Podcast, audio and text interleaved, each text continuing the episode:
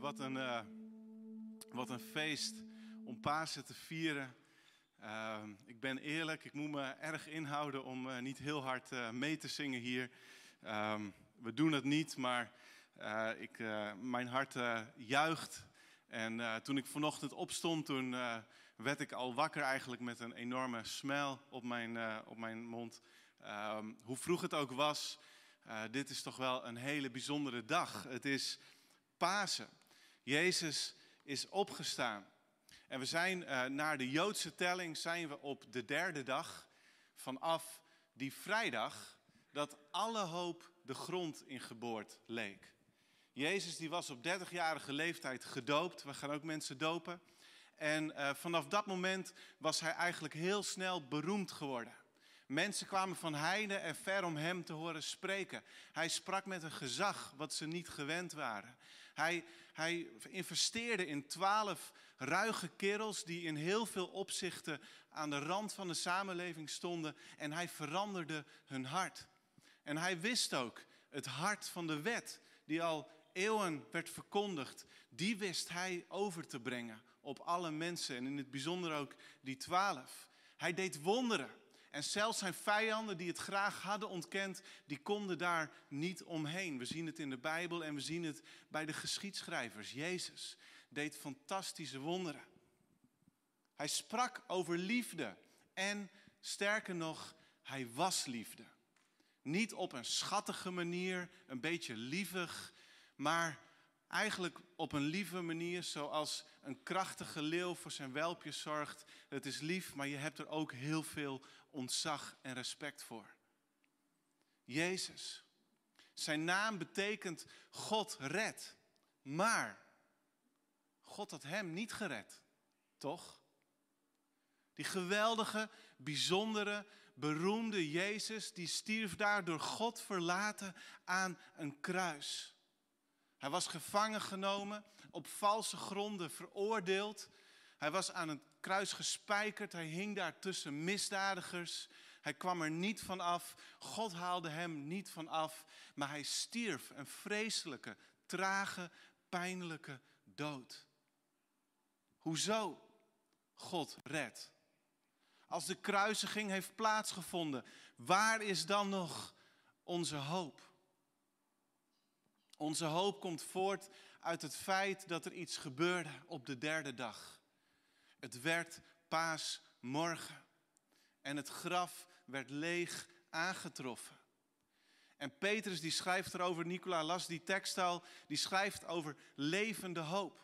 1 Petrus 1 vers 3, geprezen zij de God en Vader van onze Heer Jezus Christus, die ons overeenkomstig zijn grote barmhartigheid opnieuw geboren deed worden tot een levende hoop. Door de opstanding van Jezus Christus uit de doden. En ik wil het daar meer over hebben, maar ik wil allereerst de vraag stellen die ik mijzelf de afgelopen weken stelde. Als we het hebben over levende hoop, is er dan ook zoiets als dode hoop? En het antwoord daarop is volgens mij ja. Dode hoop betekent dat we onze zekerheid stellen in dode dingen. En allereerst kunnen dat dode goden zijn. Veel mensen stellen hun hoop in, in dode goden. De profeet Jesaja al in de 8e eeuw voor Christus, die profeteerde daarover. Hij schreef heel treffend het volgende en hij schetste de situatie dat mensen soms een boom omhakken en dan het volgende met die boom doen. Hij zegt met de ene helft stookt hij, die mens, een vuur waarop hij vlees bereidt. Hij roostert het vlees en doet zich er te goed aan. Hij wordt warm en zegt, ha, lekker warm. Ik zie de gloed van het vuur. Van de rest van hetzelfde hout maakt hij een god, een godenbeeld, waarvoor hij knielt en zich neerbuigt in gebed. Red mij, want u bent mijn God. Dus het ene stuk hout vormt, uh, voedt een vuur en het andere stuk van dezelfde boom wordt tot een afgodsbeeld waarvan de redding wordt verwacht. En wat kun je eigenlijk van zulke goden verwachten? Jesaja zegt niet zoveel. En Psalm 115 zegt het op deze manier. Hun goden zijn van hout of van zilver en goud, gemaakt door mensenhanden. Ze hebben, zich, uh, ze hebben een mond, maar kunnen niet spreken. Ze hebben ogen, maar kunnen niet zien. Ze hebben oren, maar kunnen niet horen. Ze hebben een neus, maar kunnen niet ruiken. Hun handen kunnen niet tasten. Hun voeten kunnen niet lopen. Geen geluid komt uit hun keel. En nou kan je denken, ja de, dit was vroeger. Dit hebben we al lang achter ons gelaten. We weten vandaag wel beter.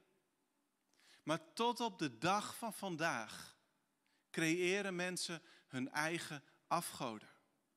En een afgod kun je heel simpel definiëren als iets of iemand anders dat je in de plaats zet van God. En dat gebeurt heel erg vaak in onze zoektocht naar geluk. En laat ik duidelijk zijn. Het verlangen om gelukkig te zijn is op zichzelf goed en niet zondig. Het is zelfs waar de Bijbel het opvallend vaak over heeft. Het heeft over dat we gelukkig mogen zijn. Dus we hoeven die zoektocht niet te belemmeren, we hoeven het niet te ontkennen. Het is een goede menselijke ervaring. Maar het probleem is dat we in die zoektocht van alles in het centrum van ons leven plaatsen. In plaats van de enige God die ons echte en blijvende voldoening kan geven. Schoonheid, macht, geld, prestaties, carrière, bezittingen, seks, technologie, comfort. Alles in het leven kan tot een afgod worden als we het in de plaats van God zetten. En dan wordt het tot een afgod, een namaakgod. Maar een beetje in eigen woorden, zoals Psalm 115 zegt, tv's hebben een luidspreker, maar ze spreken geen waarheid. Slimme home speakers luisteren naar ons, maar ze kennen niet de verlangens en de wensen van ons hart. Auto's brengen ons overal, bijna overal. Maar ze brengen ons niet in het koninkrijk van vrede en liefde. GoPro's registreren hoogtepunten, maar niet waarheid. Met geld koop je goederen, maar je koopt geen geluk. Je hoop stellen in, in dode goden is een heilloze weg die geen verzadigende vreugde en vrede geeft. Er is nog iets doods waar we onze hoop vaak in stellen. En dat is die van dode vooruitgang. Laat me uitleggen wat ik daarmee bedoel. Vanaf de verlichting, en ik ere wie ere toekomt, Tim Keller heeft me geholpen om het even zo kort mogelijk samen te vatten. Maar vanaf de verlichting was de heersende gedachte, we laten goden, religie achter ons. Het is allemaal bijgeloof of een toevlucht voor mensen die niet snappen hoe de wereld werkt. Maar nu, door menselijke reden en vindingrijkheid en wetenschap, weten we hoe de wereld werkt en hebben we geen goden meer nodig. Nu gaan we alleen nog maar vooruit naar een wereld van steeds toenemende veiligheid en welvaart en geluk. Iedere volgende generatie was de gedachte, zal het beter hebben dan de voorafgaande generatie. Vanaf de 18e eeuw was dat het optimisme van de verlichting. En toen kwam de 20e eeuw. En binnen 40 jaar was al die optimisme de, hoop in, of de, de grond in geboord. Binnen 40 jaar hadden we twee wereldoorlogen, een wereldwijde pandemie, de Spaanse griep. Hadden we een grote economische depressie die de hele wereld raakte. En stonden we aan het begin van decennia van koude oorlog, waar, waar, waar we leefden onder de dreiging van een nucleaire vernietiging van de hele wereld. Weg optimisme. Tot aan het einde van die Koude Oorlog, 1989. Je ziet in de lijstjes, in de onderzoeken, zie je de cijfers weer omhoog gaan. Mensen werden weer hoopvoller. Meer ouders vulden in, ik denk dat mijn kind het beter zal hebben dan mij. En een, een, een, een filosoof, Harari, die schrijft een boek met de titel Homo Deus. Dat is Latijn, homos betekent mens, deus betekent God. En in die titel zit de conclusie van het boek. Hij zegt, we hebben niet alleen geen God of goden meer nodig. De mens, de mensheid is God. We zijn onze eigen hoop voor de toekomst. Onze eigen hoop. We kunnen niet alleen maar hoop, maar ook vertrouwen hebben in een betere toekomst, een schitterende toekomst, omdat we alle middelen voor verbetering al hebben, namelijk in onszelf. Maar oh jee, tegen ongeveer de, de, het einde van de eerste helft van uh, uh, het eerste decennium van de eeuw waarin we leven, de 21ste eeuw, gaan de cijfers van de mensen die geloven in een betere toekomst voor kinderen weer naar beneden. En er zijn een heleboel redenen voor aan te voeren.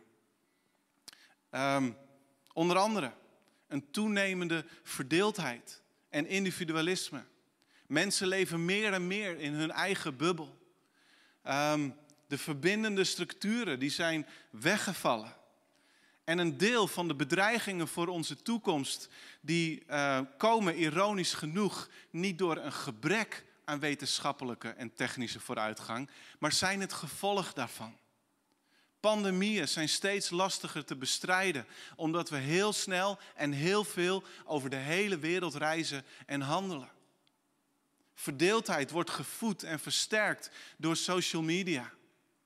En onze drang naar consumptie en comfort is maar al te vaak vernietigend voor onze mooie planeet Aarde. En er is nog een diepere reden. Ik citeer Andrew Sullivan even twee keer achter elkaar, omdat hij het heel kort en bondig weet te verwoorden. Maar hij zegt, Pinker, dat is een schrijver die zo optimistisch is over vooruitgang, die kan op geen enkele manier verklaren waarom bijvoorbeeld er zoveel fundamentele ontevredenheid, depressie, drugsmisbruik, wanhoop, verslaving en eenzaamheid is in de meest ontwikkelde liberale samenlevingen. En terwijl we langzaam maar zeker vooruitgang hebben geboekt, hebben we iets verloren dat het fundament onder dit alles is. Betekenis, samenhang en een andere, diepere soort van vreugde dan de verzadiging van al onze behoeftes. In mijn eigen woorden. Alle vooruitgang die menselijke reden en vernuftigheid en wetenschap heeft voortgebracht, is uiteindelijk dode vooruitgang. Technologie heeft niet het kwaad overwonnen, maar het heeft nieuwe middelen aan het kwaad gegeven. Het moest ons leven gemakkelijker maken, maar het heeft ons leven ook veel onrustiger en relationeel en emotioneel onveiliger gemaakt. Het menselijke verstand heeft heel veel mooie inzichten opgeleverd. Maar mensen zijn er niet gelukkiger, liefdevoller, vriendelijker, completer, meer tevreden op geworden. En hoe dat komt? Omdat het allemaal niet ons hart verandert. En dan denk ik, het, verandert niet ons hart waar kwaad, zegt de Bijbel, uit voortkomt. Kwade gedachten en daarmee heel kwade handelingen. En dan denk ik niet direct aan kwaad niveau holocaust. Maar dan denk ik aan de alledagelijkse wreedheden van eigenbelang eerst. Van raciale vooringenomenheid en vooroordelen. Arrogantie en trots. Oneerlijkheid en corruptie. En het wijdverspreide egocentrisme, wat eigenlijk onze samenleving voortdurend naar beneden haalt. En zo stellen we onze hoop vaak in dode dingen. Maar er is ook een levende hoop. En hoe komen we nou van, van die dode hoop naar levende hoop? Dat is door onze zekerheid te stellen in een levende Jezus. Jezus is gestorven en hij is opgestaan. Onze hoop focust zich op die wonderlijke, explosieve gebeurtenis van kruis en opstanding. En alleen in die twee samen, in de dood en in het leven van Jezus, ligt onze redding. Dat is de hoop die wij de wereld van vandaag te bieden hebben. Jezus is gestorven en hij is opgestaan. En beide van deze feiten geloof ik met heel mijn hart. En ik geloof ook dat er een overweldigende hoeveelheid bewijs is voor deze twee gebeurtenissen. We kunnen daar niet uitgebreid op ingaan vandaag. Maar het waren in ieder geval twee feiten waardoor Paulus van een vervolger van christenen tot een grotere leider van alle christenen werd. Tot op de dag van vandaag. En hij schrijft, broeders en zusters, ik herinner u aan het evangelie dat ik u verkondigd heb. Dat u ook hebt aangenomen. Dat uw fundament is en uw redding, als u tenminste vasthoudt aan de boodschap die ik u verkondigd heb. Anders bent u tevergeefs tot geloof gekomen. Het belangrijkste dat ik u heb overgegeven, heb ik op mijn beurt ook weer ontvangen. Dat Christus voor onze zonde is gestorven zoals in de schriften staat. Dat hij op de derde dag is opgewekt zoals het in de schriften staat. En dat hij is verschenen aan Kefas, Petrus en vervolgens aan alle leerlingen. Daarna is hij verschenen aan meer dan 500 tegelijk van wie er enkele gestorven zijn, maar de meeste nu nog leven. En volgens mij schreef Paulus dit ongeveer ergens in 50, 55 na Christus. Vervolgens is hij ook aan Jacobus verschenen, de broer van Jezus, en daarna aan alle apostelen. Verschenen aan meer dan 500 mensen tegelijk. Dat kan nooit een soort collectieve, um, collectieve hallucinatie zijn geweest. En al deze mensen waren bereid om hun leven te geven voor deze boodschap. Alleen een opstanding kan verklaren hoe hun leven werd veranderd.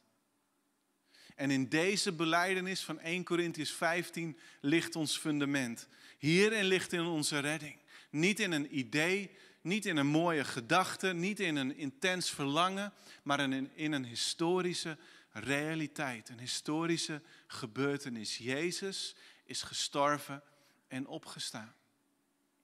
En vervolgens, Jezus brengt dan niet vooruitgang, maar hij brengt fundamentele vernieuwing. En daarmee bedoel ik dit. Er is, er is iets veel fundamentelers dan simpelweg vooruitgang. En dat is vernieuwing. En dat is ook meteen de basis van ware vooruitgang. Bij vernieuwing pak je niet de symptomen aan, maar de kwaal. Bij vernieuwing steunen we niet op de mens, maar steunen we op de God die de mens heeft bedacht en gemaakt. Bij vernieuwing werken we niet keihard voor verandering, maar veranderen we stap voor stap van binnenuit. En dat is waar de profeet Jeremia zo rond de eeuwwisseling 7e eeuw voor Christus al over schreef. Hij zegt, maar dit is het verbond dat ik in de toekomst met Israël zal sluiten, spreekt de Heer. Ik zal mijn wet in hun binnenste leggen en hem in hun hart schrijven. Dan zal ik hun God zijn en zij mijn volk. En het Nieuwe Testament maakt heel erg duidelijk op meerdere plekken dat deze belofte voor het volk van Israël door Jezus, die geboren is uit Israël, door onze Joodse Messias, voor iedereen is die zijn vertrouwen stelt in Jezus. En dat is zo revolutionair. De richting van menselijke reden en vindingrijkheid en wetenschap wordt bepaald door het hart van de mens. Dus alleen als het hart helemaal wordt vernieuwd en veranderd. Als het voldoening en vreugde vindt in de ware God, dan gaan we echt vooruit als mensen. En dat is waar Jezus de weg van lijden, van sterven en van opstaan voor is gegaan. Door kruis en opstanding samen hoeven we niet meer te streven naar zelfverbetering, maar kunnen we leven vanuit innerlijke vernieuwing. En dat geeft zoveel rust. En als laatste, Jezus geeft hoop omdat Hij hoop is. Het is één ding om te weten van de dood en de opstanding van Jezus en het te zien als hé, hey, dat is echt gebeurd. Maar het is nog iets heel anders om de kracht daarvan in je eigen leven te ervaren. En weet je, daar ga ik niet eens zo heel veel nog over zeggen, want we hebben straks vijf predikers. Vijf mensen die gaan getuigen van hoe dit in het leven heeft gewerkt. Zij zijn de belangrijkste predikers van vandaag. Sietse, Adam, Marcel, Vedat en Eline. Zij gaan vertellen hoe die historische gebeurtenis hun leven op de kop heeft gezet. En eigenlijk vertellen ze wat Paulus schreef, en Paulus doet dat in veel moeilijkere woorden. Maar die zegt in Colossense 2 dit: Toen u gedoopt werd, bent u immers met hem begraven. En met hem bent u ook tot leven gewekt, omdat u gelooft in de kracht van God die hem uit de dood heeft opgewekt. U was dood door uw zonde en overtredingen en door uw onbesneden staat. Maar God heeft u samen met Christus levend gemaakt toen Hij ons al onze zonden kwijtschold. Dus een dopeling. Iedere gelovige gaat als het ware de weg die Jezus ook heeft afgelegd. En dat is alleen maar mogelijk omdat Jezus voorop ging. Hij heeft de weg gebaand. Hij heeft de zonde en het lijden van alle mensen aan het kruis in zijn eigen lichaam weggedragen. Zodat we allemaal met Jezus kunnen sterven en kunnen opstaan als nieuwe mensen in een nieuw leven. En daarover jubelt Petrus als hij schrijft, en ik lees het nog een keer met een vers erbij. Geprezen zij de God en Vader van onze Heer Jezus Christus, die ons overeenkomstig zijn grote barmhartigheid opnieuw geboren deed worden tot een levende hoop door de opstanding van Jezus Christus uit de doden. Door Hem gelooft u in God, die Hem opgewekt heeft uit de doden en Hem heerlijkheid gegeven heeft, zodat uw geloof en hoop op God gericht zijn. Onze hoop voor het leven nu en voor het eeuwige leven zijn gericht op God, op Jezus zelf. Het is levende hoop, omdat we die hoop hebben in Jezus in hoogst eigen persoon. In Jezus hebben we echte hoop. De fundamentele zekerheid van een betekenisvol en blijvend leven. Als jij op zoek bent naar vooruitgang. Als jij gelukkig wilt worden. Als je echte vreugde wilt kennen. Begin dan bij Jezus. Begin bij innerlijke vernieuwing in plaats van eindeloze zelfhulpprogramma's. Begin bij het kruis en de opstanding. Het kan vandaag. Zullen we met elkaar bidden? Lieve Vader in de hemel, dank u wel dat het paaszondag is. Heer, we denken aan de vrouwen. We denken aan de discipelen. Die, die zondagochtend wakker zijn geworden na misschien wel weer een slapeloze nacht. Heer, er was zoveel gebeurd. En hun, hun Heer, hun redder, de profeet op wie ze hun hoop hadden gesteld, was gestorven. Heer, en vol wanhoop en vertwijfeling werden ze wakker. Pakten ze heerlijke kruiden om naar het graf te gaan en hun overleden rabbi eer te bewijzen. Heer, misschien hebben we dezelfde vertwijfeling. Misschien gaan we met diezelfde onzekerheid naar dat graf toe. Heer, maar ik dank u wel dat we net als die vrouwen en net als de discipelen verrast mogen worden. Heer, omdat we een leeg graf aantreffen. Heer, soms denken we misschien zelf, wie zal die steen wegrollen? Die steen die ik ervaar in mijn leven. Heer, die steen die, die mij naar beneden drukt. De Bijbel zegt, dezelfde kracht waarmee Jezus door God uit de dood is opgewekt, is werkzaam in jou. Diezelfde kracht die kan iedere steen wegrollen. De steen van angst voor de toekomst of angst voor mensen. De steen van wanhoop en neergeslagenheid.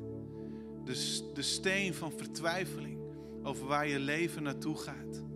De steen van onzekerheid over je eigen waarde. De steen van verslavingen waar je last van hebt. De steen van, van boosheid en frustratie omdat je je machteloos voelt. God wil die steen uit je leven wegrollen. God wil het vandaag doen. Als je je vertrouwen ook stelt in Jezus, die jouw redder, die jouw Heer, die jouw koning wilt zijn en die je tot het leven wilt leiden. Als je die keuze voor Jezus wil maken, dan, dan mag je hier je hand opsteken, dan mag je online, digitaal je hand opsteken, dan mag je een gebed vragen aan de mensen die op Church Online ook voor je klaarzitten. Dan mag je ons een berichtje doen. Ik heb een keuze gemaakt. Kunnen jullie me verder helpen? Maar als je die keuze hebt gemaakt, wil je dan heel kort met mij meebidden. Jezus, ik verplaats mijn hoop van dode dingen naar u. Ik verplaats mijn hoop naar u die mijn levende Heer bent. Ik dank u wel dat u de stenen wegrolt uit mijn leven. Dat u vrijheid wilt brengen. En dat u mijn leven gaat veranderen op grond van uw werk, niet mijn eigen werk. U bent mijn redder. U bent mijn Heer. In Jezus' naam. Amén.